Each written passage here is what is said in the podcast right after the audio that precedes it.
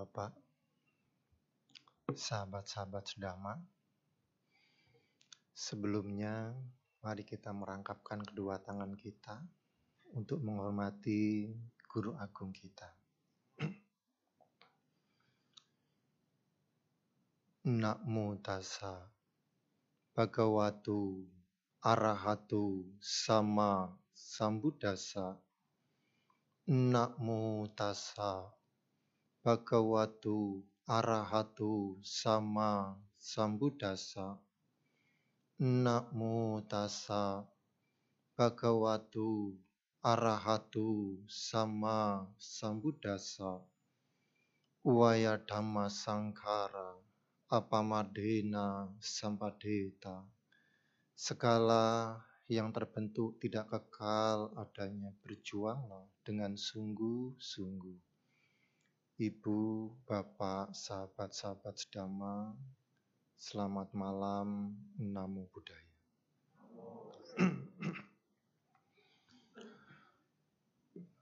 Iya, pada sore ya, sore hari ini merupakan suatu kebahagiaan bagi kita semua. Kita bisa berkumpul, hadir di wihara ini untuk melakukan perbuatan baik melalui pikiran, ucapan, dan juga perbuatan. Cuaca memang mendung dan juga gerimis. Beberapa tempat hujan di luar diri kita. Tetapi kita bisa mengendalikan diri kita. Meskipun kondisi di luar tidak menyenangkan, kita bisa menjaga pikiran kita untuk bisa tenang dan bahagia. Apalagi di ruangan yang sangat menyenangkan, sangat tenang ini. Untuk itu ibu bapak sahabat-sahabat sedama, pada sore hari ini menjadi berkah bagi kita semua ketika kita melakukan perbuatan baik ini dengan sungguh-sungguh, dengan tulus, dengan penuh perhatian. Kebahagiaan nyata akan kita rasakan. Untuk itu saya ingin mengajak Bapak Ibu sahabat-sahabat sedama untuk membawa perhatian di sini dan saat ini. Saat ini kita semua hadir di sini sedang duduk menyimak dhamma desana dari saya, lalu membaca parita, suta, dan gata bermeditasi. Ketika kita melakukan dengan penuh perhatian, dengan penuh kesadaran, mindfulness, maka kita akan bahagia saat sekarang ini persis saat sekarang ini kita akan bahagia. Ibu bapak sahabat-sahabat sedama yang saya hormati, yang juga tentunya sangat bahagia. Topik yang sangat menarik tentang meditasi membawa ketenangan dan kedamaian. Memang meditasi ini 2600 tahun yang lalu ditemukan oleh guru agung kita Sang Buddha tetapi masih sangat relevan pada kehidupan saat sekarang ini dan juga yang akan datang. Bahkan sangat penting sekali Bu Bapak, sahabat-sahabat sedama. Dalam kehidupan sehari-hari kita sebagai perumah tangga, upasaka upasika, tentu kita sangat sibuk ya dengan aktivitas kita. Berangkat ke kantor untuk bekerja, ke toko, ada yang sebagai karyawan, ada yang sebagai uh, business owner, pegawai negeri, ada juga yang mungkin sebagai mahasiswa, dan lain-lain. Sibuk sekali. Apalagi perubahan yang begitu cepat dewasa ini. Teknologi yang berkembang begitu cepat. Kompetisi di dalam, di dalam persaingan bisnis, di dalam memajukan organisasi kita begitu juga sangat ketat. Dengan adanya internet, artificial intelligence dikembangkan, kecerdasan buatan dikembangkan. Para pemilik pemilik bisnis pemula juga tidak bisa dianggap remeh dalam memajukan sebuah organisasi. Sehingga kita yang mungkin mengendalikan organisasi, perusahaan, toko kita, mungkin sedikit pusing ya. Apalagi prediksi tahun 2023 akan gelap, ekonomi akan sulit, tambah pusing lagi. Tetapi ibu bapak, ibu bapak, sahabat-sahabat sedama, kita sangat beruntung kita punya dama. Jangan sampai dama yang begitu indah pada awal, pada pertengahan, pada akhir, hanya menjadi teori belaka. Sangat disayangkan. Padahal dhamma yang begitu indah pada awal, pertengahan, akhir, ini begitu luar biasa memberikan dampak yang positif, kemajuan secara spiritual, dan juga bisa menuntun kita untuk berkarir dengan lebih baik dengan dhamma yang kita praktekkan dengan sungguh-sungguh. Gejolak-gejolak pikiran dalam persaingan bisnis, dalam kompetisi, bekerja di perusahaan dan lain-lain membuat kita gelisah ya. Siapa di sini yang punya masalah dalam kehidupan sehari-hari? Boleh katakan saya atau ketik di kolom chat. Oh bukan, saya biasa ngajar online. kita semua ya, jadi kita semua uh, pasti punya masalah ya. Pasti punya masalah tetapi ibu bapak sahabat-sahabat sedama, meditasi.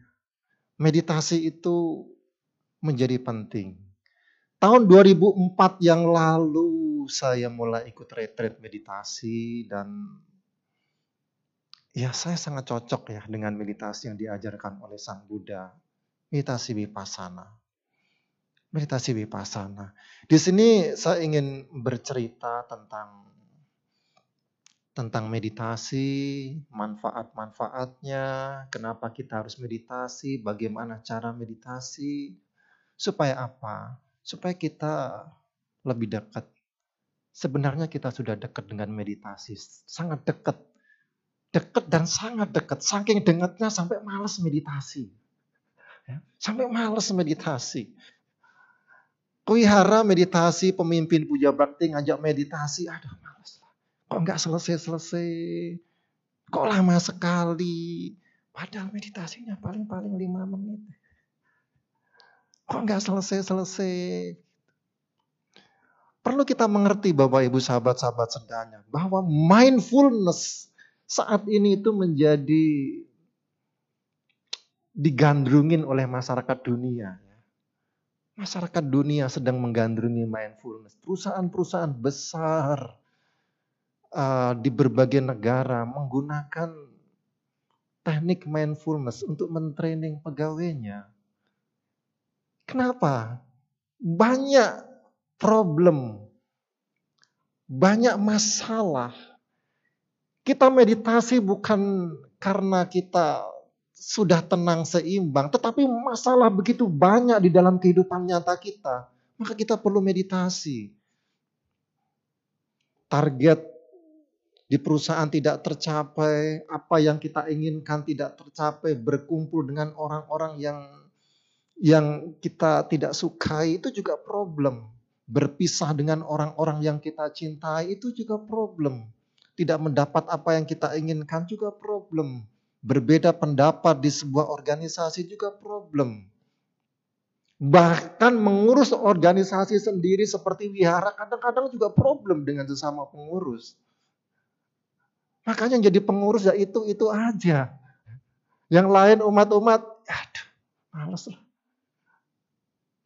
Tetapi bukan berarti tidak ada masalah. Di tempat kerja juga ada masalah. Di keluarga juga ada masalah. Di lingkungan juga ada masalah. Untuk itu meditasi menjadi menjadi solusi yang baik. Wah Romo kalau saya meditasi males. Pikirannya muter-muter nggak karu-karuan. Ah ngantuk. Ah capek. Punggungnya sakit. Kakinya sakit. Dan lain-lain. Alasannya itu banyak. Alasannya banyak. Ya memang itu wajar. Itu wajar karena kita sudah saking deketnya. Saking deketnya. Dan sahabat-sahabat kita, saya sering ngajar meditasi, ada Bu Christine juga yang tadi pagi juga ikut kelas vipassana ya. Dan setiap Jumat malam saya saya bikin Zoom meditasi dan pesertanya dari dalam dan luar negeri cukup lumayan banyak dan konsisten kita bikin terus. Bahkan tahun depan di di bulan April uh, saya mengadakan retreat meditasi di Pasana. Dan yang mau daftar juga udah banyak. Uh, begitu pentingnya. Apa sih manfaat meditasi secara simpel saat ini itu kita pasti happy ketika kita ketika kita membawa perhatian di sini dan saat sekarang ini itu kita happy Mengapa masalah berdatangan, pikiran kita capek, lelah, stres, dan lain-lain? Karena pikiran kita berada di masa lalu. Sedetik yang lalu adalah masa lalu, semenit yang lalu adalah masa lalu. Seminggu yang lalu adalah masa lalu, 10 tahun yang lalu adalah masa lalu, 50 tahun yang lalu adalah masa lalu. Kehidupan yang lalu ada masa lalu. Pada saat pikiran-pikiran mengarah ke masa lalu dan ingat permasalahan, problem-problem, pengalaman-pengalaman yang buruk. Pusing. Pusing. Demikian juga ketika pikiran kita mengarah ke masa depan. Target belum tercapai, lagi merencanakan target. Bagaimana caranya uh, company bisa bertumbuh. Bagaimana supaya toko ini bisa berkembang lebih baik. Itu juga pusing juga kadang-kadang. Ketika kita berada di masa lalu dan kita berada di masa depan, tidak ada kebahagiaan. Yang ada adalah pusing. Setuju ya? Tetapi ketika kita berada di masa saat sekarang ini, maka kebahagiaan akan bersama kita. Persis bersama kita. Saat sekarang ini ibu bapak sahabat-sahabat sedama, di sini sedang fokus konsentrasi. Pasti bahagia pasti bahagia. Kalau nggak bahagia berarti pikirannya keliling-keliling ke masa lalu. Ingat problem-problem di masa lalu, masalah-masalah di waktu yang lalu. Ketika pikiran kita di sini dan saat ini, mestinya kita bahagia. Mestinya kita bahagia. Itulah salah satu kita meditasi. Bagaimana kalau meditasi duduk? Ada caranya lagi. Ada caranya. Ibu bapak sahabat-sahabat sedama. Jadi kebahagiaan begitu dekat nama kita ya. Bahkan ada ada sebuah cerita inspirasi yang cukup menarik yang saya sering bawakan. Suatu ketika ada seorang ayah yang sedang duduk di tepi sungai memberikan nasihat kepada anaknya. Nak, Air ini begitu sangat penting.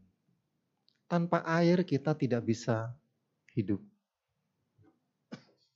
Pada saat yang bersamaan, ada ikan kecil yang sedang berenang, berenang-renang.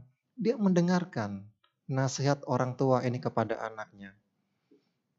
Tanpa air tidak bisa hidup. Ikan ini menjadi sangat gelisah, sangat gelisah. Ia mencari air dari hilir ke hulu dengan berenang, bertemu, setiap bertemu dengan teman-temannya. Ia bertanya, wahai teman di mana ada air? Tanpa air kita tidak bisa hidup. Ternyata teman-temannya juga tidak tahu di mana ada air. Lalu si ikan kecil ini berenang menuju sumber mata air mencari ikan sesepuh yang sudah berpengalaman. Ia bertemu dengan ikan sesepuh tersebut dan ia mendapat penjelasan nasihat yang luar biasa. Memang benar anakku, tanpa air kita tidak bisa hidup. Tetapi jangan khawatir. Air setiap saat bersama kita. Air setiap saat bersama kita. Ikan kecil ini menjadi lebih tenang dan damai dan bahagia. Kadang-kadang kita seperti ikan kecil yang selalu mencari ketenangan, kebahagiaan ke berbagai tempat.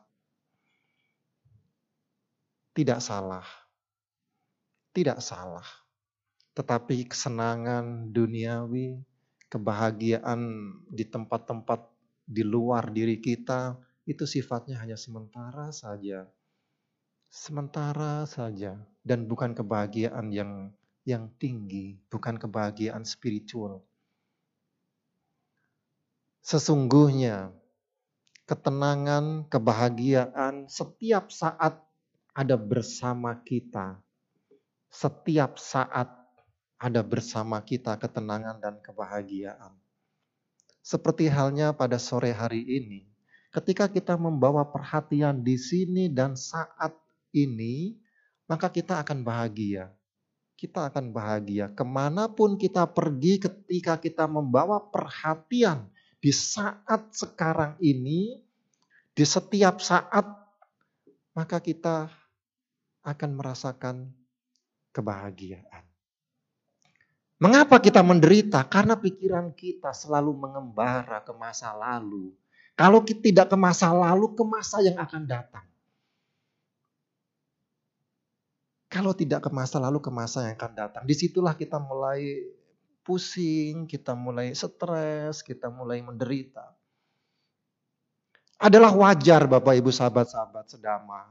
Kita sebagai perumah tangga, sebagai upasaka upasika, kita harus punya rencana-rencana, kita harus mempunyai planning, kita harus punya strategi untuk menumbuhkan organisasi, menumbuhkan, mengembangkan toko, bekerja di sebuah perusahaan dan lain-lain. Kita harus punya planning, kita harus punya target dan lain-lain. Kita harus melakukan evaluasi terhadap perform kinerja para pegawai, tim kita dan lain-lain.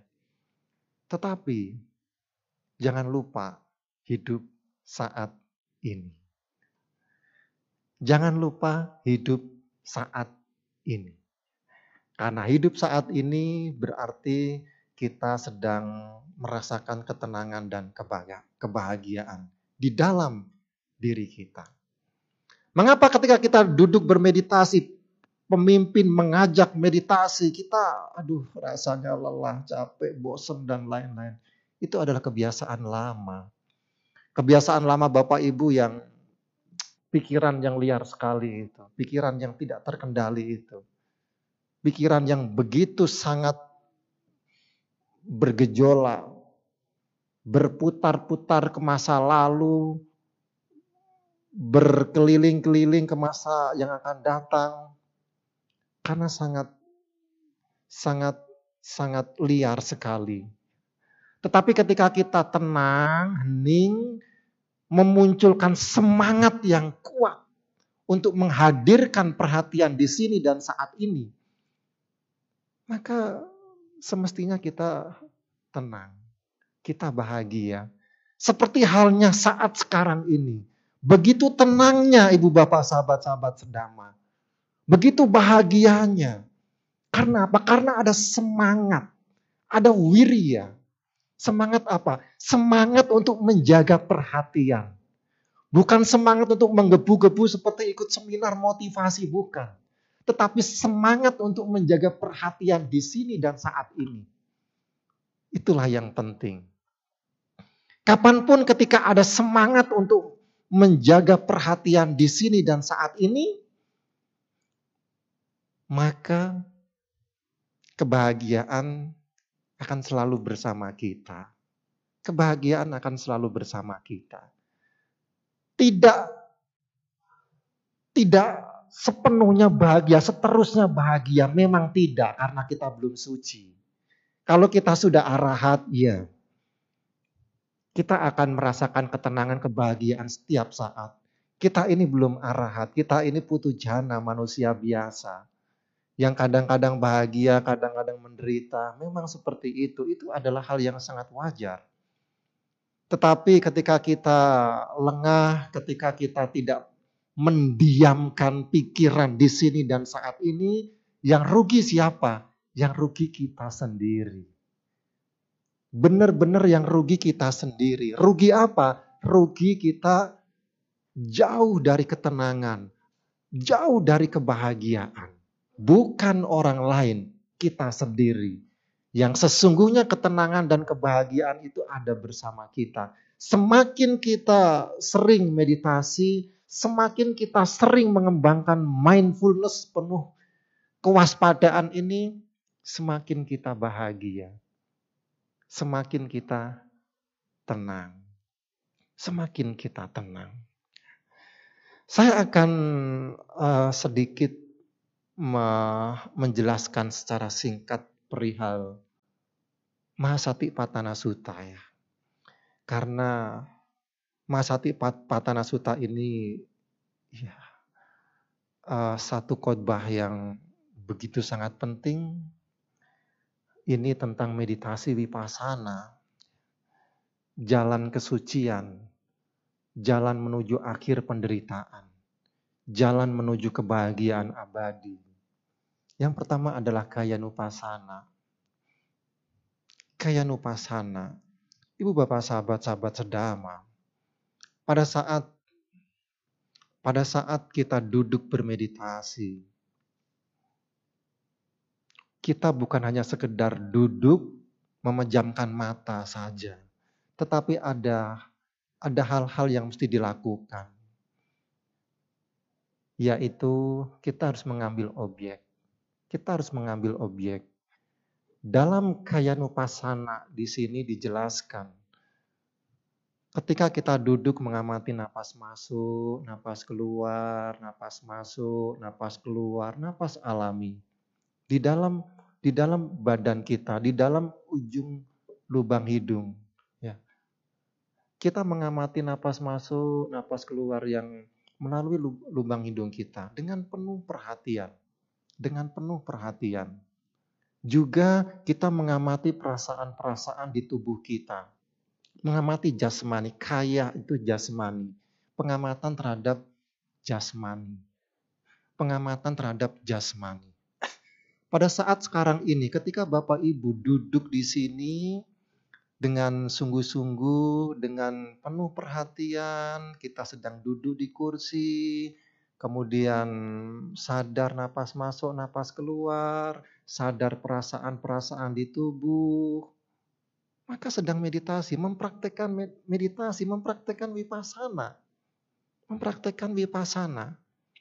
Jadi sebenarnya meditasi itu sangat simpel sekali. Ketika kita menghadirkan pikiran di sini dan saat ini. Objeknya dalam wipasana itu ya Mahasati Patana Sutta itu. Batin dan jasmani secara, secara singkat. Batin dan jasmani. Dan kita akan sangat bahagia kita sangat bahagia. Beberapa orang bertanya kepada saya, Romo kalau saya meditasi, saya nggak bisa meditasi. Benar-benar saya nggak bisa meditasi. Karena kalau meditasi gagal terus. Oh iya? Bagaimana ibu bermeditasi? Kenapa ibu kok bisa merasa gagal? Kenapa ibu bisa mengatakan tidak bisa meditasi? Karena kalau meditasi pikiran saya muter-muter terus, saya nggak nggak nggak bisa konsentrasi, nggak bisa mengamati napas masuk, napas keluar. Memang menurut ibu meditasi itu seperti apa? Meditasi ya harus duduk tenang, napas masuk, napas keluar, pikirannya nggak muter-muter. Itu namanya mencapai jana. Ketika kita mencapai jana, konsentrasi terpusat meditasi, proses proses untuk pengembangan batin itu juga meditasi. Ketika kita duduk, pikiran kita masih muter-muter ke berbagai tempat, itu wajar. Sangat wajar. Sangat wajar. Ketika pikiran kita muter-muter keliling-keliling ke mana, sadar, oh saya meditasi. Lalu kembalikan ke objek, napas masuk, napas keluar. Napas masuk, napas keluar. Napas alami, relax. Relax, relax, relax. Tidak perlu tegang, relax. Ya. Nah dengan seperti itu, kita sedang mempraktekkan meditasi. Dan apakah kalau meditasi itu harus duduk saja Romo? Tidak. Bisa duduk, berdiri, berjalan, berbaring, bukan tidur. Berbaring saja dengan penuh kesadaran. Kapan kita meditasi? Dari ketika kita bangun tidur sampai kita menjelang tidur. Oh, setiap saat meditasi, ya. Kalau gitu nggak kerja dong, kerja dengan meditasi. Bagaimana caranya? Sadar setiap saat. Bagaimana sadar setiap saat itu? Fokus konsentrasi ketika kita melakukan segala aktivitas, fokus saja, konsentrasi saja. Contohnya bagaimana? Pada saat nyetir mobil, nyetirlah dengan penuh perhatian, konsentrasi, fokus. Oke, memang biasanya bagaimana? Nyetir, pikirannya nyuci baju. Hati-hati, nabrak nanti. Tidak ada konsentrasi. Nyetir, pikirannya meeting di kantor. Itu kesadaran kita lemah. Apakah itu tidak boleh? Boleh, tetapi kesadaran kita lemah, berbahaya. Berbahaya apa? Bisa masuk God nanti. Bagaimana kalau kita sedang berjalan? Berjalan dengan penuh perhatian. Pikirannya jangan muter-muter, pikirannya jangan keliling-keliling ke rumah dan ke lain-lain. Nanti bisa nabrak tembok, nabrak batu di depan. Kakinya lecet dan lain-lain. Tidak ada mindfulness, tidak ada kesadaran. Apa pun yang kita lakukan, lakukanlah dengan penuh perhatian. Penuh kesadaran.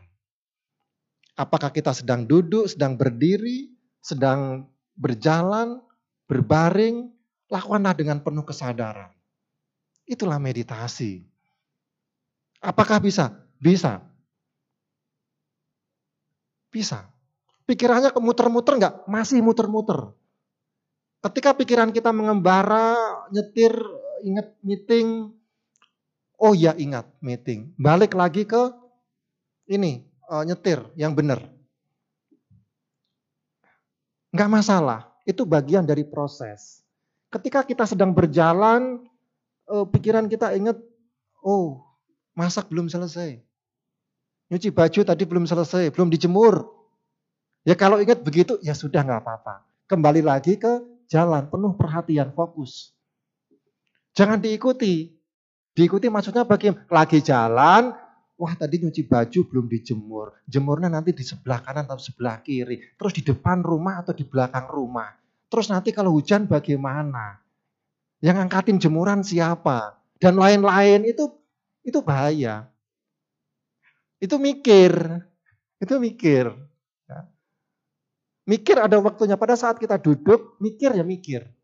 Mikir. Berpikir dengan dengan dengan penuh perhatian, mencari solusi. Itulah yang perlu dilakukan Ibu Bapak, sahabat-sahabat sedama. Kayak nupasana, perhatian penuh e, napas masuk, napas keluar. Itu, itu eh, perasaan-perasaan tubuh. Wedana nupasana. Wedana adalah e, perhatian pada wedana perasaan perasaan.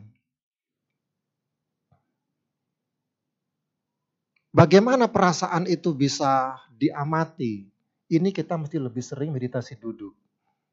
Ketika kita meditasi uh, berjalan, kita sedang melakukan aktivitas sibuk di kantor dan lain-lain, sulit sekali untuk kita mengamati perasaan di, di tubuh kita. Karena pikiran kita sangat kasar sekali. Ketika kita sedang duduk, maka kita akan tahu perasaan-perasaan di jasmani kita. Ada rasa sakit, rasa jenuh, ada rasa gatal, capek, lelah, dan lain-lain. Dan ketika itu muncul, amati saja. Lihat sebagaimana apa adanya perasaan dan kembali ke ya napas masuk, napas keluar atau perasaan-perasaan di tubuh. Ketika pikiran bermunculan, kembali ke perasaan-perasaan di tubuh. Perasaan-perasaan di tubuh.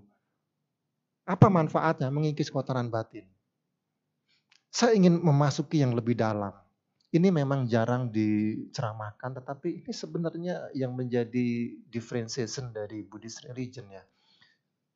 Sang Buddha 2600 tahun yang lalu mencapai apa ya mengajarkan dhamma ya. Petapa Gotama menjadi Buddha dengan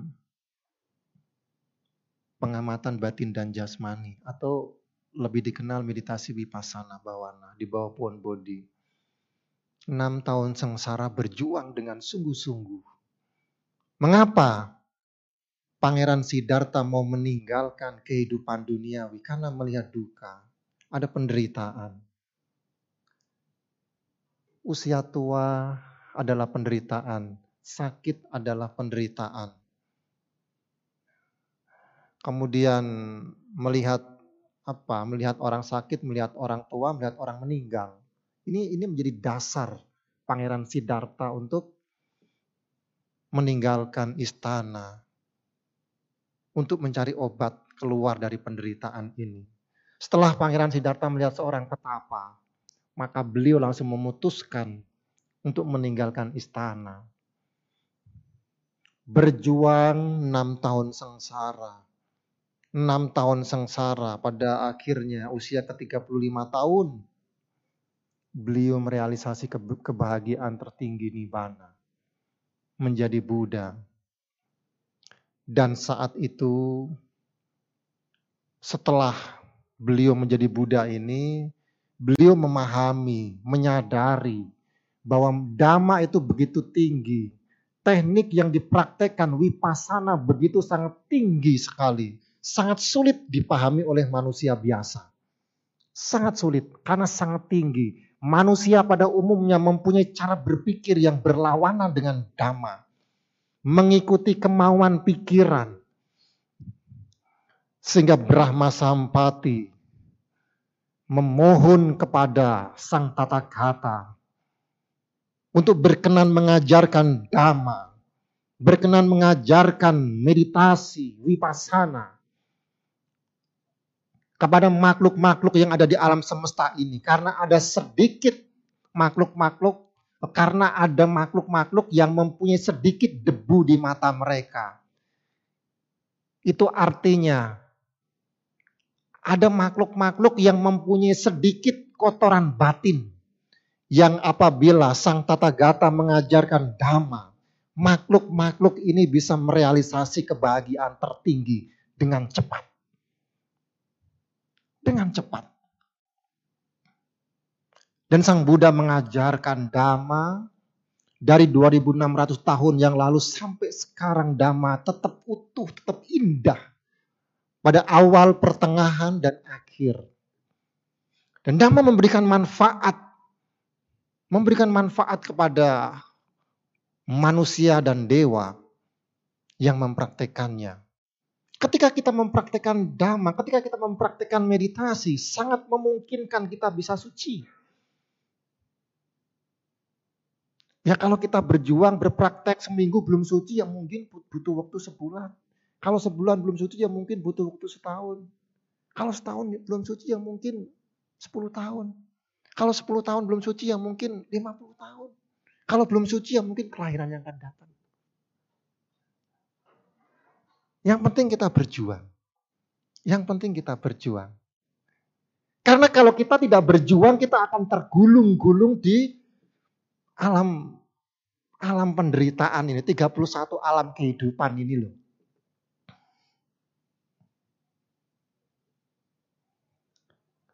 Dulu sekitar tahun 2000 2004 sampai 2008-an lah ya saya ngajar di sekolah International School di SIS Kelapa Gading, Singapore School. Ajar agama Buddha. uh, pada saat saya menjelaskan 31 alam kehidupan kepada murid-murid saya itu. Betapa sulitnya untuk terlahir sebagai manusia. Banyak yang protes. Oh iya? Manusia bertambah terus? Sir. Gitu. Ah mister bercanda kali. Nyatanya manusia bertambah terus, apa yang susah? Nah orang cerdas begitu ya. Anak-anak cerdas begitu, anak-anaknya orang-orang kaya. Seketika saya langsung cepat untuk berpikir sih. Coba kamu bandingkan mana yang lebih banyak jumlah manusia di dunia ini dengan jumlah semut yang ada di Indonesia? Menurut Bapak Ibu lebih banyak mana? Semut atau manusia? Halo, tes tes, dicoba. Semut atau manusia? Semut. Sudah pernah dihitung? Secara logika semut ya. Begitu sangat banyak makhluk-makhluk yang ada di bawah manusia. Semut, belum lagi nyamuk, belum lagi ikan teri, tujuh di lautan. Begitu sangat banyak jumlah mereka. Manusia sangat sedikit. Alam semakin ke atas, makhluknya semakin sedikit. Kenapa? Semakin sulit. Butuh kebajikan yang banyak. Mereka yang mencapai kesucian lebih sedikit lagi lebih sedikit lagi. Apa yang bisa kita pelajari, yang bisa kita renungkan di sini? Hati-hati dengan kita menjalani hidup. Pikiran adalah pembentuk, setuju? Pikiran adalah pembentuk, dijelaskan di Dhamma pada ayat 1. Jangan-jangan kita membentuk kehidupan di alam bawah. Hati-hati. Awija Pacaya Sangkara. Karena adanya kebodohan, kegelapan batin, muncullah bentuk-bentuk pikiran. Dan bentuk-bentuk pikiran itu terkadang tanpa kita sadari adalah pikiran-pikiran yang negatif. Kalau sehari-hari yang berkembang kebencian, keserakahan, kebodohan, itu bisa mengarahkan kita ke alam-alam yang rendah bisa mengalahkan kita ke alam-alam yang rendah. Untuk itu kita harus hati-hati. Kita benar-benar harus hati-hati. Kalau gitu menjadi umat Buddha itu susah Romo, bukan. Sangat gampang sekali. Justru kita sangat beruntung sekali. Kita ditunjukkan. Dhamma itu berlaku universal. Berlaku untuk semua makhluk. Justru ketika kita tahu, mengerti, kita harus sangat hati-hati supaya kita tidak terjatuh. Apakah kalau yang tidak mengerti juga aman dari alam-alam rendah tersebut, Romo? Bukan. Bukan aman. Akan semakin sulit. Karena tidak mengerti. Ada kebodohan yang tebal sekali.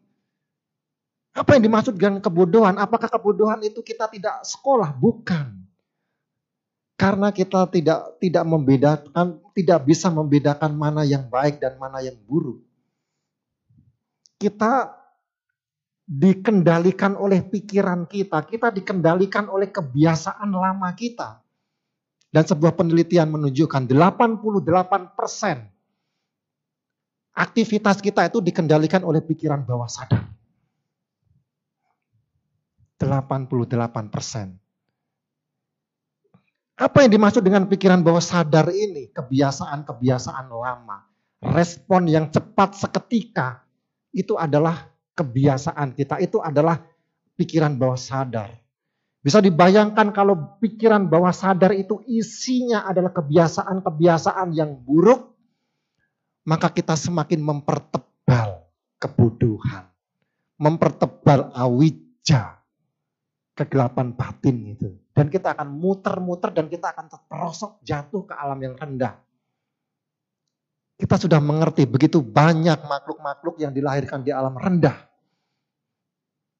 Seperti semut, nyamuk, ikan teri, dan lain-lain. Begitu sangat banyak. makhluk-makhluk yang dilahirkan di alam rendah. Manusia sangat sedikit kalau dibandingkan dengan makhluk-makhluk yang ada di alam bawah. Lalu bagaimana? Apa yang harus kita lakukan? Kita harus cepat sadar. Sadar apa? Sadar menjaga pikiran.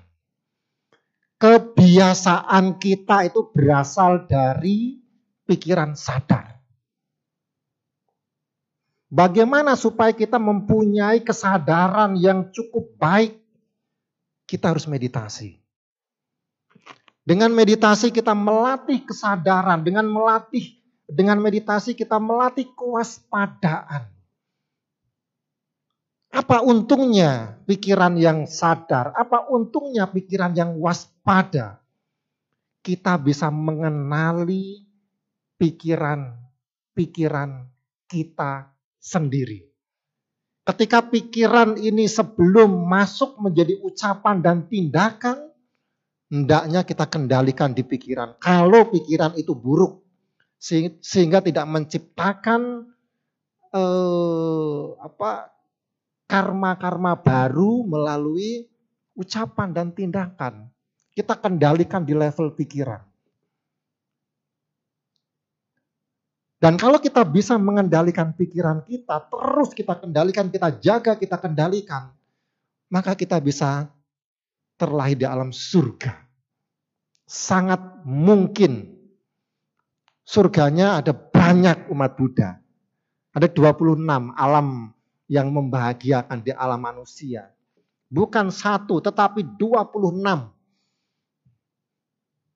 Dan di luar itu juga ada kesucian. Ada nibana, arahat, pencapaian tertinggi dari perjalanan spiritual kita. Yang kalau kita mencapai arahat, kita mencapai nibana, kita tidak dilahirkan di mana pun. Sukses, berhasil, tidak menderita lagi. Sama sekali tidak menderita lagi. Meditasi penting atau penting banget? Penting banget. Penting banget kalau kita mengerti manfaatnya untuk menjaga pikiran. Benar-benar untuk menjaga pikiran. Karena kalau kita tidak mengendalikan pikiran kita, maka pikiran kita akan mengendalikan kita. Dan ini adalah sesuatu yang berbeda. Bagaimana pikiran mengendalikan kita? Itu artinya kebiasaan lama mengendalikan aktivitas harian kita itu kita akan semakin tebal itu kebodohan. Karena sering kali kebiasaan lama ini adalah hal-hal yang yang umum-umum ya. Banyak kan negatif. Mungkin beberapa tidak terima, enggak Romo saya ini orangnya positif, suka berdana, rajin meditasi, negatif bagaimana? Siapa kalau misalnya lagi buru-buru, mau berangkat kerja macet, jengkel gitu ya. Ada? Ada. Siapa? Mungkin kita kerjanya terbiasa dingin gitu ya. Dingin di ruangan ber-AC. Lalu tiba-tiba AC-nya mati. Sudah tahu di sana ada OB. Gak diberesin, gak dinyalain.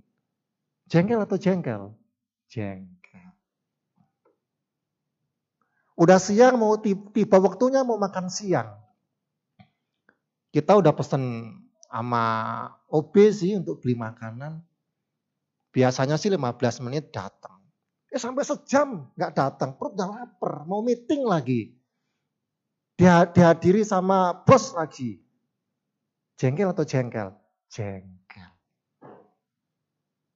Hati-hati, itu juga pikiran-pikiran negatif kebencian itu mempunyai turunan.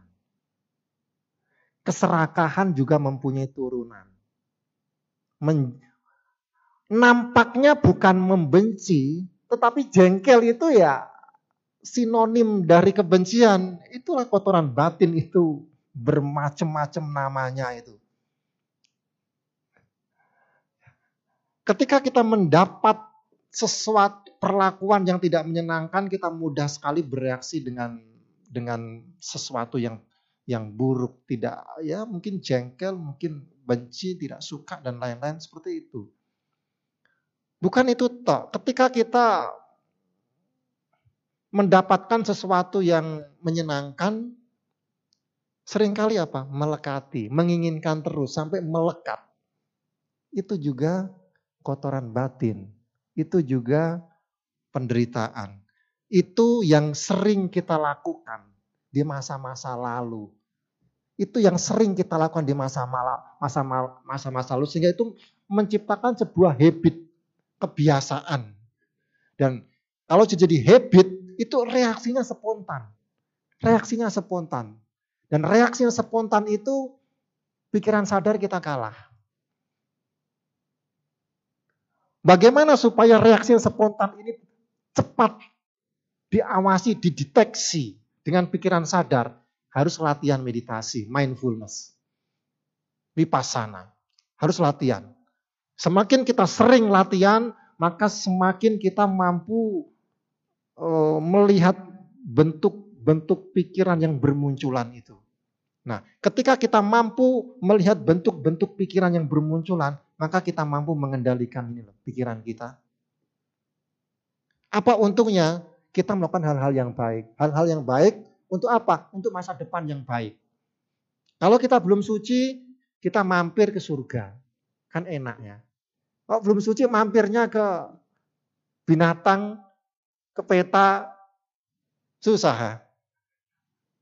Kalau udah kejerumus di sana hati-hati. Contoh misalnya nyamuk. Mau nyamuk, ayo kita meditasi, waktunya meditasi. Enggak usah meditasi lah. Ayo waktunya waktunya puja bakti di uh, Wiradama Suka. Ini hari Sabtu sore, mau nyamuk. Bisa nggak diajak puja bakti? Hanya duduk baca paritato? Enggak bisa. Enggak bisa. Enggak bisa.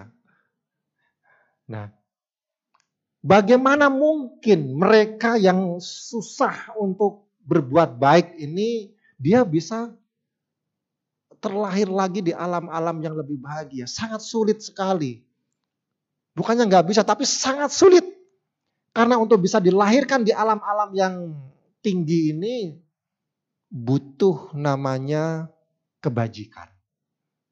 Butuh namanya kebajikan. Untuk itu di dalam kitab Dhammapada dijelaskan kico manusia patilabu sulit terlahir sebagai manusia kicang macana jiwitang sulit bertahan hidup sebagai manusia kicang sadama sawanang sulit untuk bisa belajar dhamma mendengarkan dhamma kico budanang upado sulit uh, kita untuk bisa uh, sulit untuk lahirnya seorang Buddha Kico Budanang Upado. Sulit sekali. Tetapi yang perlu kita renungkan, meskipun sulit terlahir sebagai manusia, saat ini kita bisa terlahir sebagai manusia. Meskipun sangat sulit untuk bisa bertahan hidup saat ini, kita masih hidup sebagai manusia. Meskipun sangat sulit untuk kita bisa belajar dhamma, mempraktekkan dhamma, saat ini kita bisa belajar dhamma. Meskipun sulit kelahiran seorang Buddha, Buddha dilahirkan. Buddha Gotama, guru kita. Kita bisa belajar dhamma. Meskipun beliau sudah lama parinibbana, pada saat detik-detik menjelang parinibbana, beliau berpesan kepada para biku, waya dhamma sangkara apa madena sampadeta. Segala yang terbentuk tidak kekal, berjuanglah dengan sungguh-sungguh segala yang terbentuk tidak kekal. Berjuanglah dengan sungguh-sungguh, dengan penuh kesadaran penuh. Kehidupan selalu berubah, ibu bapak, sahabat-sahabat sedang. Selalu berubah. Setiap saat berubah. Sedetik yang lalu dengan saat sekarang ini berubah. Dan terus berubah. Kehidupan yang selalu berubah, pikiran kita juga berubah-ubah. Yang menjadi bahaya adalah ketika pikiran kita berubahnya ke arah yang yang buruk sehingga kita akan sengsara. Tetapi ketika kita mengendalikan pikiran, maka perubahan itu kita kendalikan ke arah yang baik. Maka hidup kita penuh dengan kebahagiaan di saat ini dan yang akan datang. Siapa pun yang mempraktekkan dhamma hidupnya akan bahagia sekarang dan bahagia yang akan datang. Saat ini kita mempraktekkan dhamma persis detik sekarang ini mempraktekkan dhamma. Dan sudah pasti detik sekarang ini kita semua bahagia. Kapan pun kita mempraktekkan dhamma, kita bahagia. Oh saya sudah punya, oh saya sudah beragama Buddha Romo, saya pasti mempraktekkan dhamma. Belum tentu. Ketika pikiran kita mengembara, pikiran kita hal-hal yang negatif, di situ kita tidak mempraktekkan dhamma. Meskipun kita beragama Buddha. Apakah kalau kita beragama Buddha jaminan kita tidak dilahirkan di alam rendah? Tidak juga. Karena 31 alam kehidupan ini adalah milik dari semua makhluk. Alam semesta bekerja. Dengan kebajikan melalui pikiran, ucapan, dan perbuatan kita bisa dilahirkan di alam surga.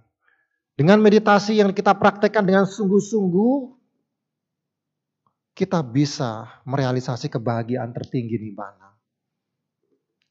Mohon maaf, saya bertanya sampai jam berapa waktu saya? Biasanya. 7.30 ya. Ada tanya jawab? Oke. Tadi uh, Wedana Nupasana ya. Oke. Kemudian yang ketiga itu Cita Nupasana. Cita numasana ini perhatian pada pikiran, cita. Jadi pada saat kita duduk bermeditasi, pikiran kita juga muter-muter kadang-kadang ya. Itu sesuatu yang sangat wajar.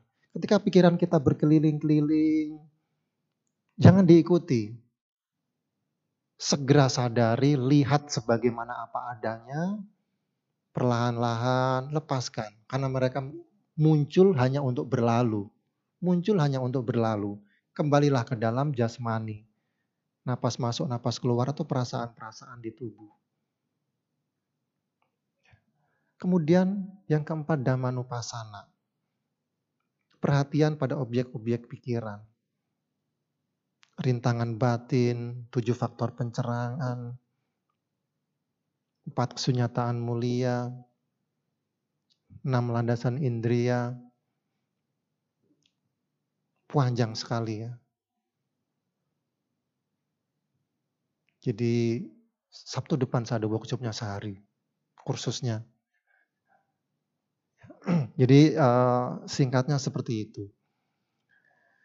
Jadi ketika kita melatih Masati Patana Sutta, kita juga sedang mempraktekkan meditasi, mempraktekkan vipassana. Mungkin ada, kalau ada yang bertanya silakan bisa ditanyakan. Kalau enggak saya, saya lanjutkan. Karena mm, biasanya kalau bertanya itu ya mungkin langsung ke teknik meditasinya. Mungkin saya bisa sharing-sharing. Ya silakan Pak. Nama budaya. Mm -hmm.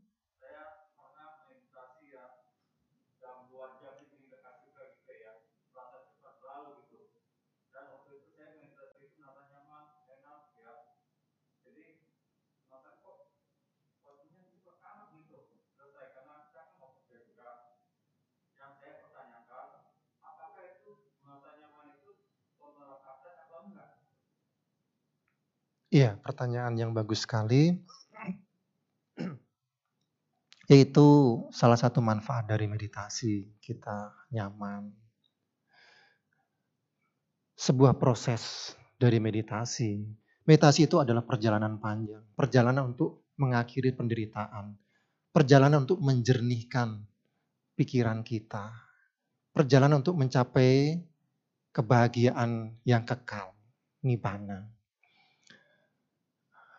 Jadi harus terus dilakukan, dipraktekkan dan dalam praktek meditasi saat-saat tertentu ada rasa nyaman, saat-saat tertentu ada rasa gelisah, Saat-saat tertentu nanti kita muncul rasa ngantuk. Saat-saat tertentu muncul ragu-ragu. Saat-saat tertentu muncul niatan buruk. Itu semua akan bermunculan. Jadi sebuah perjalanan panjang. Memang ada tahapan-tahapan, ada kebahagiaan bisa muncul, ada piti, kegiuran, suka, kebahagiaan, bisa bermunculan. Bahkan kalau kita lanjut, kalau kita misalnya mengambil objek anapanasati ya bisa mencapai jana. Tapi kalau kita masuk ke wipasana, ya endingnya sih suci. Tapi untuk suci itu kan butuh waktu yang tidak tidak mudah. Butuh proses, butuh ketekunan, butuh kesabaran. Apa sih hasil dari kita wipasana? Kesabaran kita meningkat ketenangan batin kita berkembang. Pikiran kita lebih lebih bahagia. Dalam kita berlatih meditasi, itu kadang-kadang sekarang kita meditasi bisa tenang. Kemudian besok malam kita meditasi bisa gelisah, bisa. Sangat bisa. Apa yang mempengaruhi itu? Yang mempengaruhi itu adalah aktivitas harian kita. Ketika kita sehari-hari kita beraktivitas, mengambil keputusan-keputusan yang ekstrim sehingga itu menciptakan gejolak di dalam organisasi kita, maka pikiran kita akan sangat gelisah. Kita duduk meditasi, masalah yang menonjol itu akan akan muncul terus-menerus. Pada saat Eh, harian kita, misalnya kita harus berpisah dengan orang-orang yang sangat kita cintai, pikiran kita juga akan sangat sedih sekali. Akan sangat sedih sekali. Aktivitas harian ini mempengaruhi pikiran kita. Lalu apa eh, yang harus dilakukan? Apa manfaatnya dong kalau begitu? Kalau meditasi bisa sedih, bisa gelisah, bisa panik dan lain-lain. Semakin kita sering meditasi, pikiran kita semakin tenang. UPK berkembang. UPK itu ketenangan batin. Ketika, ketika UPK atau ketenangan batin yang seimbang ini kuat, kita tidak mudah, tidak mudah untuk uh, apa artinya mengikuti pikiran. Kita tidak mudah untuk gelisah, kita tidak mudah untuk senang banget, kita tidak mudah untuk membenci. Tidak mudah karena ada ketenangan batin. Jadi ada problem-problem dalam hidup ya tenang. Nanti ada hal-hal yang bermunculan yang ekstrim-ekstrim ya kita bisa tenang meskipun gelisah tapi gelas gelisahnya juga tidak sampai kita meraung-raung menangis. Pernah ketika orang berpisah dengan orang yang dicintai sampai menangis, sampai stres berhari-hari, bahkan berminggu-minggu. Banyak ya seperti itu ya. Tetapi ketika kita mempunyai batin yang seimbang, kita sedih. Tetapi sedihnya juga paling beberapa hari. Pikiran kita pasti gelisah. Orang lain gelisah, gelisahnya itu sampai nggak bisa nggak doyan makan, nggak bisa tidur, kata-katanya kasar dan lain-lain. Tapi gelisahnya bagi seorang meditasi hanya pikiran saja, pikiran yang tidak tidak tenang saja. Tetapi secara uh, apa uh, mungkin penampilan atau mukanya ya tetap tenang. Tapi pikiran kita nggak tenang. Tapi tidak tenang ini pun karena kita punya kemampuan untuk mengendalikan pikiran, jadi tidak lama. Nanti juga akan uh, berhenti. Kenapa? Karena perenungan pemahaman yang kita kembangkan dalam meditasi adalah ini juga akan berlalu. Anicca, duka, anata. Anicca itu tidak kekal. Sesuatu yang terbentuk itu sifatnya tidak kekal. Yang muncul itu tidak kekal. Hal-hal yang muncul itu semuanya akan berlalu. Apa pun itu. Ada pertemuan, juga ada perpisahan. Ada suka, ada tidak suka. Ada perasaan yang menyenangkan, ada perasaan yang tidak menyenangkan. Hal-hal yang muncul hanya untuk berlalu. Ketika kita melekati hal-hal yang selalu berubah, maka kita akan menderita. Ketika kita membenci hal-hal yang akan berubah, kita akan menderita. Kita akan menderita. Ngomongnya sih enak ya, prakteknya susah. Susah. Tapi ya kita mesti harus tahu teorinya, kan memang teorinya begitu. Susah bukannya nggak bisa, bisa dipraktekkan. Jadi tenang seimbang saja Pak. Ya. Ketika muncul pikiran yang tenang, ada pitik, mungkin ada kegiuran, ada suka, ada kebahagiaan, seperti mungkin muncul cahaya-cahaya dan lain-lain, ya seimbang bahwa ini juga muncul. Yang muncul kan untuk berlalu kan? Yang muncul hanya untuk berlalu. Termasuk juga kegelisahan. Ketika kita duduk bermeditasi dan pikiran kita sangat gelisah, kita juga harus mengerti bahwa kegelisahan ini juga untuk berlalu. Jadi kegelisahan, eh, perasaan-perasaan yang menyenangkan, semuanya untuk berlalu. Ketika kita memahami bahwa semuanya akan berlalu, maka akan ada UPK. UPK itu keseimbangan batin. Batin yang seimbang adalah kebahagiaan yang tertinggi. Ya. Batin yang seimbang adalah kebahagiaan yang paling tinggi. Seseorang yang mencapai arahat, nibana ya seimbang. Tidak menciptakan karma. Kalau kita masih menciptakan karma, melakukan reaksi-reaksi pikiran. Ketika ada perasaan yang tidak menyenangkan, ada reaksi penolakan. Reaksi itulah karma.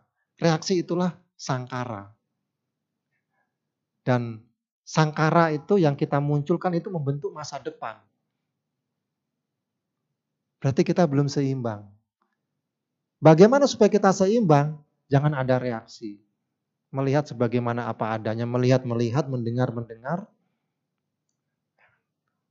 Enam landasan indria kontak dengan objeknya masing-masing. Biarkan dia hanya kontak saja, tidak perlu memberikan penilaian-penilaian. Meditasi yang tertinggi vipassana tujuannya adalah mengosongkan yang akan datang, membersihkan yang lalu. Bagaimana caranya tenang seimbang? Karena yang lalu kita punya banyak kotoran-kotoran batin.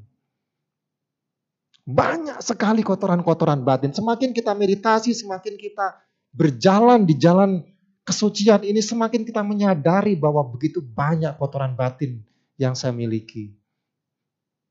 Semakin kita menyadari. Ketika muncul perasaan yang tidak menyenangkan, tetapi kita tenang seimbang, melihat sebagaimana apa adanya maka kita mengosongkan yang akan datang. Karena kita tidak bereaksi. Demikian halnya ketika kita menjumpai perasaan yang menyenangkan, seperti tadi meditasi ada muncul suka, ada muncul pitik mungkin, atau apa pun itu yang penting nyaman sekali. Ketika kita hanya tenang seimbang, maka masa depan kita kosong.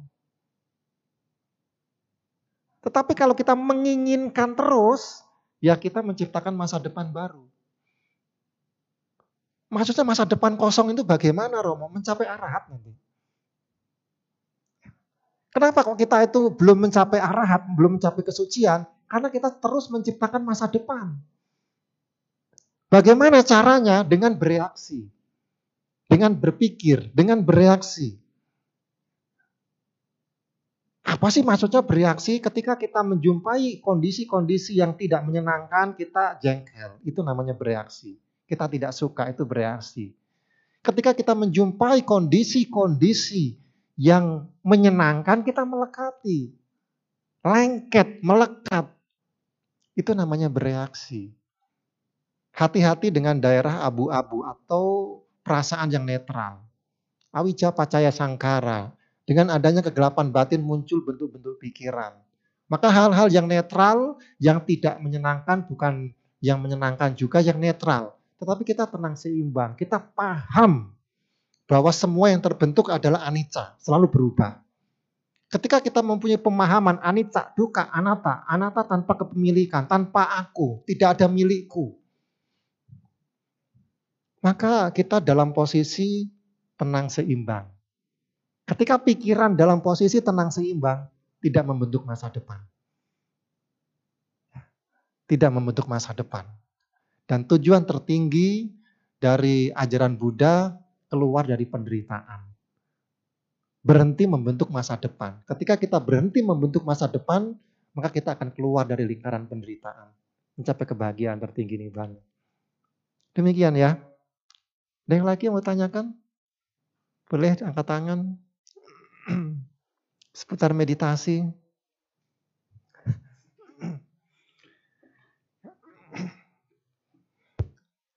Baik Bapak dan Ibu, Uh, demikian damai sana yang tadi disampaikan oleh Romo. Bagi Bapak dan Ibu yang masih ingin bertanya, dapat dipersiapkan secara lisan maupun tertulis. Jika lisan nanti tinggal uh, maju ke depan untuk bertanya. Yang tertulis boleh nanti ditulis di kertas, nanti saya ambil untuk pertanyaan yang masuk. Sambil menunggu pertanyaan yang masuk, mari kita dengarkan satu buah lagu bersama-sama.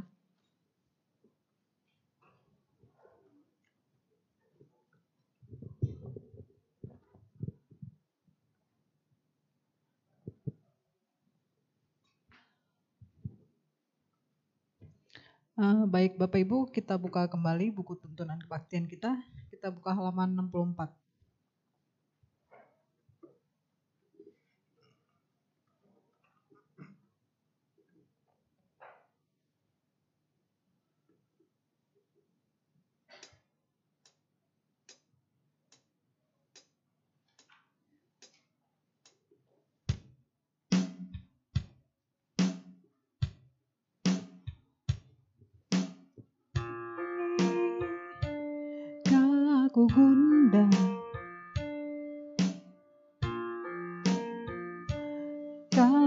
who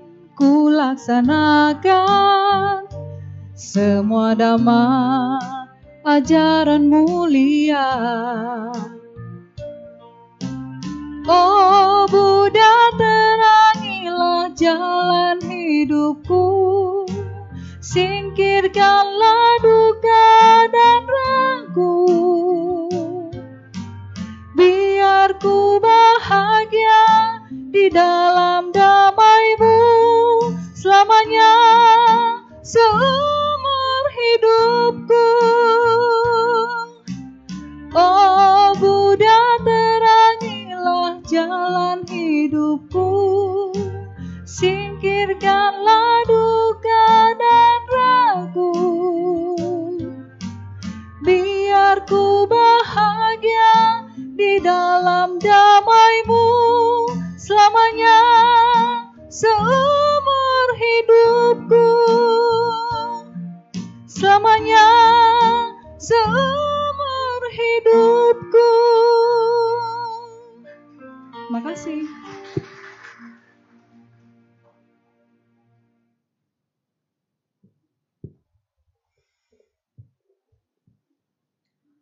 Bapak dan Ibu, uh, untuk sesi uh, tanya jawabnya, apakah ada yang ingin bertanya lagi secara langsung? Dipersilakan.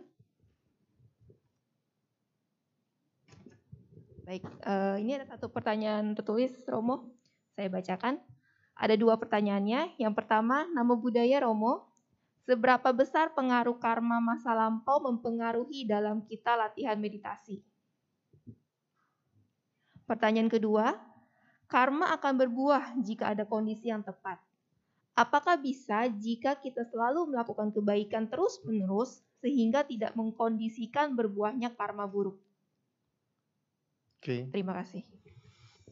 Iya, pertanyaan yang menarik. Seberapa besar karma masa lalu mempengaruhi kehidupan sekarang ya? Itu tergantung dari apa yang kita lakukan pada saat sekarang ini. Ada sebuah cerita yang ditulis oleh Dr. Mentimon itu ya, dari Myanmar. Ada dua orang pemuda yang bersahabat gitu. Pemuda yang pertama mempunyai sifat yang sangat baik, karakter yang sangat baik, rajin meditasi, berdana, berbuat baik, kewihara. Lalu pemuda yang kedua mempunyai karakter yang sebaliknya. Buruk, suka melanggar sila, tetapi pemuda yang kedua ini hidupnya selalu beruntung. Sedangkan pemuda yang pertama yang suka berbuat baik tadi hidupnya miskin, susah, sulit sekali. Lalu singkat cerita, dua pemuda ini datang ke sebuah bukit untuk mencari jamur. Di sana kedua-duanya ini jatuh. Terperosok dari atas bukit ke bawah. Pemuda yang yang kedua, yang karakternya buruk, yang selalu beruntung ini jatuh mau cari jamur, eh malah dapat emas, kepingan emas di sana tambah beruntung lagi. Sedangkan pemuda yang pertama yang sehari-hari berbuat baik jatuh jangankan emas, jamur pun tidak, kepalanya malah itu eh, berdarah-darah, merintih kesakitan. Lalu pemuda yang pertama ini dia merasa hidup ini benar-benar tidak adil. Saya berbuat baik tidak ada gunanya. Saya sudah menjadi orang baik, tetapi hidup saya penuh dengan kesengsaraan. Teman saya yang tindakannya buruk, hidupnya penuh dengan keberuntungan. Lalu pemuda yang pertama ini mengunjungi seorang petapa bijak. Ia menjelaskan apa yang terjadi dan petapa ini memberikan nasihat dengan sangat baik sekali. Dengan kesaktian yang dimiliki oleh petapa ini, ia melihat masa lalu kedua pemuda ini. Pemuda yang kedua, tindakannya buruk, hidupnya selalu beruntung, karena masa lalunya. Ia suka berdana. Ia suka berdana.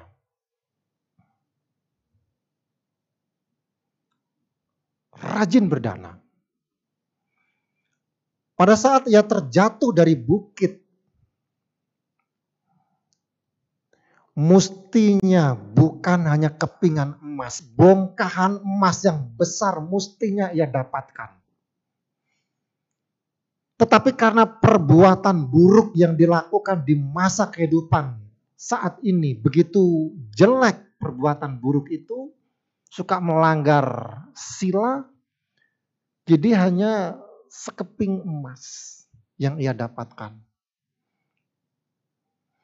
Lalu bagaimana dengan pemuda yang pertama yang rajin berbuat baik tetapi hidupnya penuh dengan kesengsaraan? Di kehidupan yang lalu, si pemuda ini ber, pernah bertengkar, ya, bertengkar dan ia membunuh lawannya dan itu juga temannya sendiri karena satu kejadian tertentu sehingga ia bertengkar dan membunuh temannya sendiri dengan kebencian. Dengan pikiran buruk dia membunuh temannya sendiri. Lalu ia hidup sebagai manusia dan ia harus menghadapi bermacam-macam kesulitan.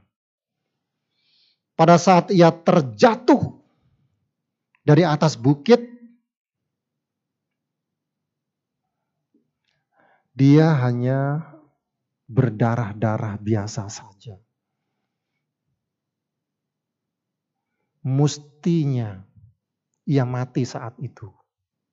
Karena perbuatan buruk yang dilakukan di masa lalu. Karena perbuatan baik yang dilakukan pada saat kehidupan sekarang ini, maka pemuda itu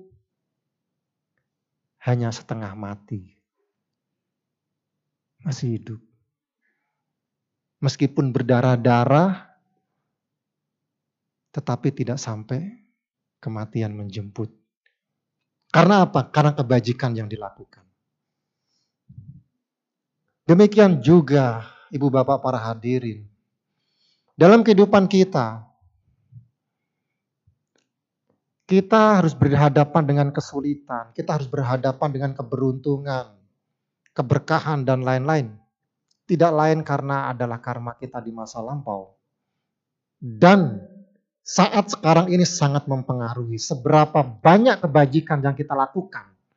Semakin banyak kebajikan yang kita lakukan, semakin sering kita bermeditasi, maka pikiran-pikiran buruk, karma-karma lampau yang buruk itu tidak terlalu pahit.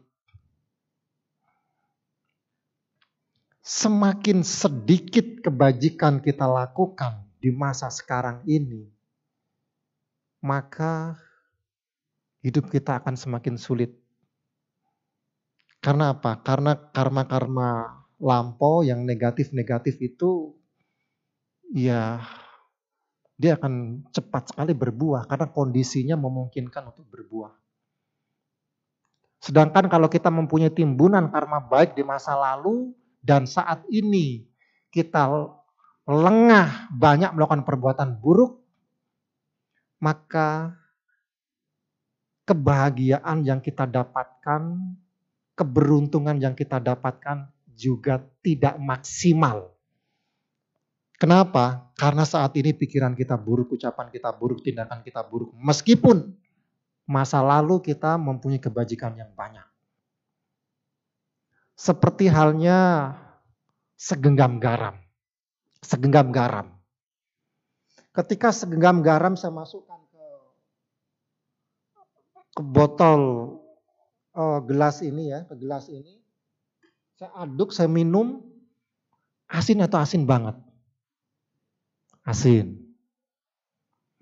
Segenggam garam, kemudian saya lari ke Danau Sunter, saya lempar ke tengah, saya aduk pakai bambu yang panjang, saya minum airnya, tawar atau tawar? tawar, nggak ada pilihan. Karena memang sejatinya seperti itu ya. Sama-sama segenggam garam. Tetapi kenapa segenggam garam itu kita ceburkan ke dalam air dan rasanya beda-beda. Air di gelas dan air di danau. Karena airnya porsinya beda. Danau mempunyai porsi air yang banyak sekali. Gelas airnya sedikit. Air seperti halnya kebajikan saat sekarang ini. Segenggam garam adalah perbuatan buruk yang kita miliki di masa lampau. Untuk itu sangat berpengaruh kebajikan yang kita lakukan pada saat sekarang ini. Ya, jadi lakukan perbuatan baik yang yang banyak sehingga apa? Sehingga hidup kita saat ini lebih bahagia dan ke depan juga pasti akan bahagia. Yang kedua saya lupa, tolong dibaca lagi boleh?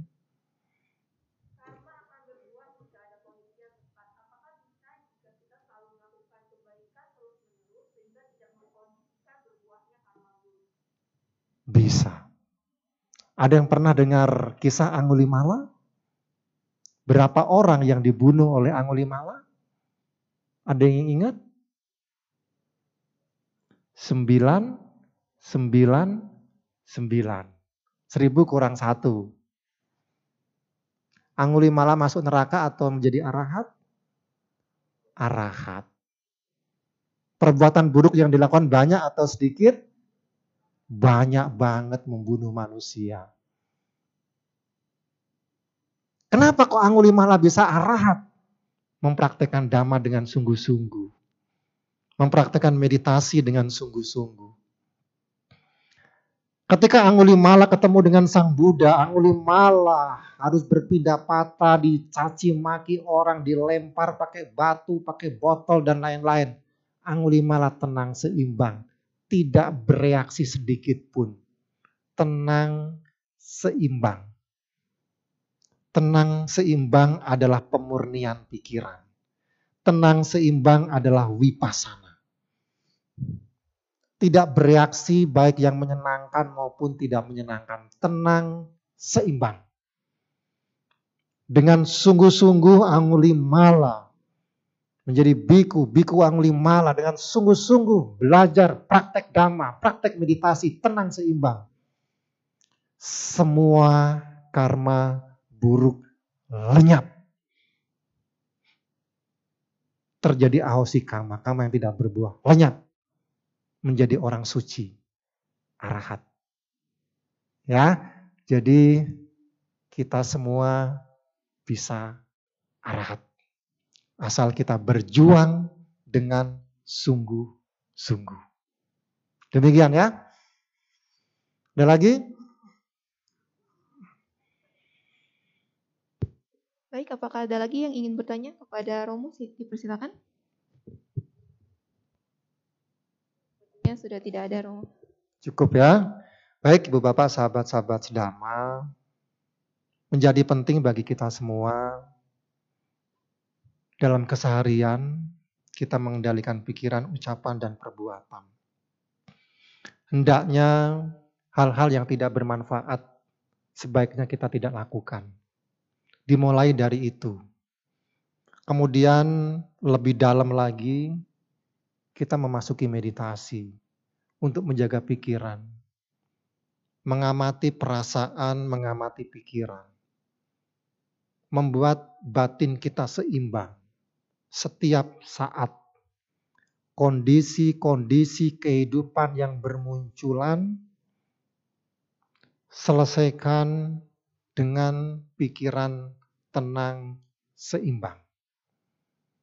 Luangkan waktu untuk duduk bermeditasi, pagi, malam, juga setiap saat penuh kesadaran Sila menjadi pondasi.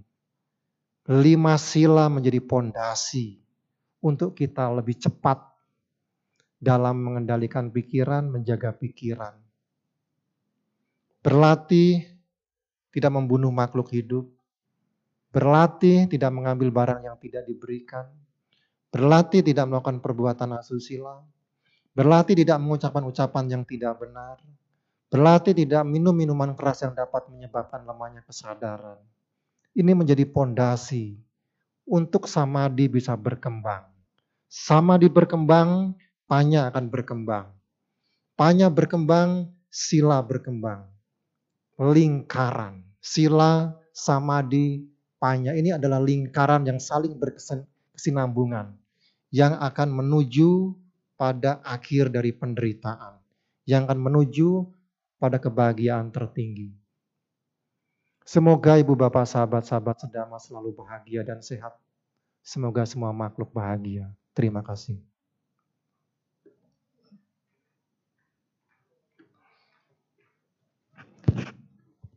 Baik Bapak dan Ibu, demikian nada sana yang telah disampaikan oleh Romo Susianto. Kami segenap umat dan pengurus Wihara Dhamma Suka mengucapkan terima kasih atas Dhamma Desana Romo pada sore hari ini.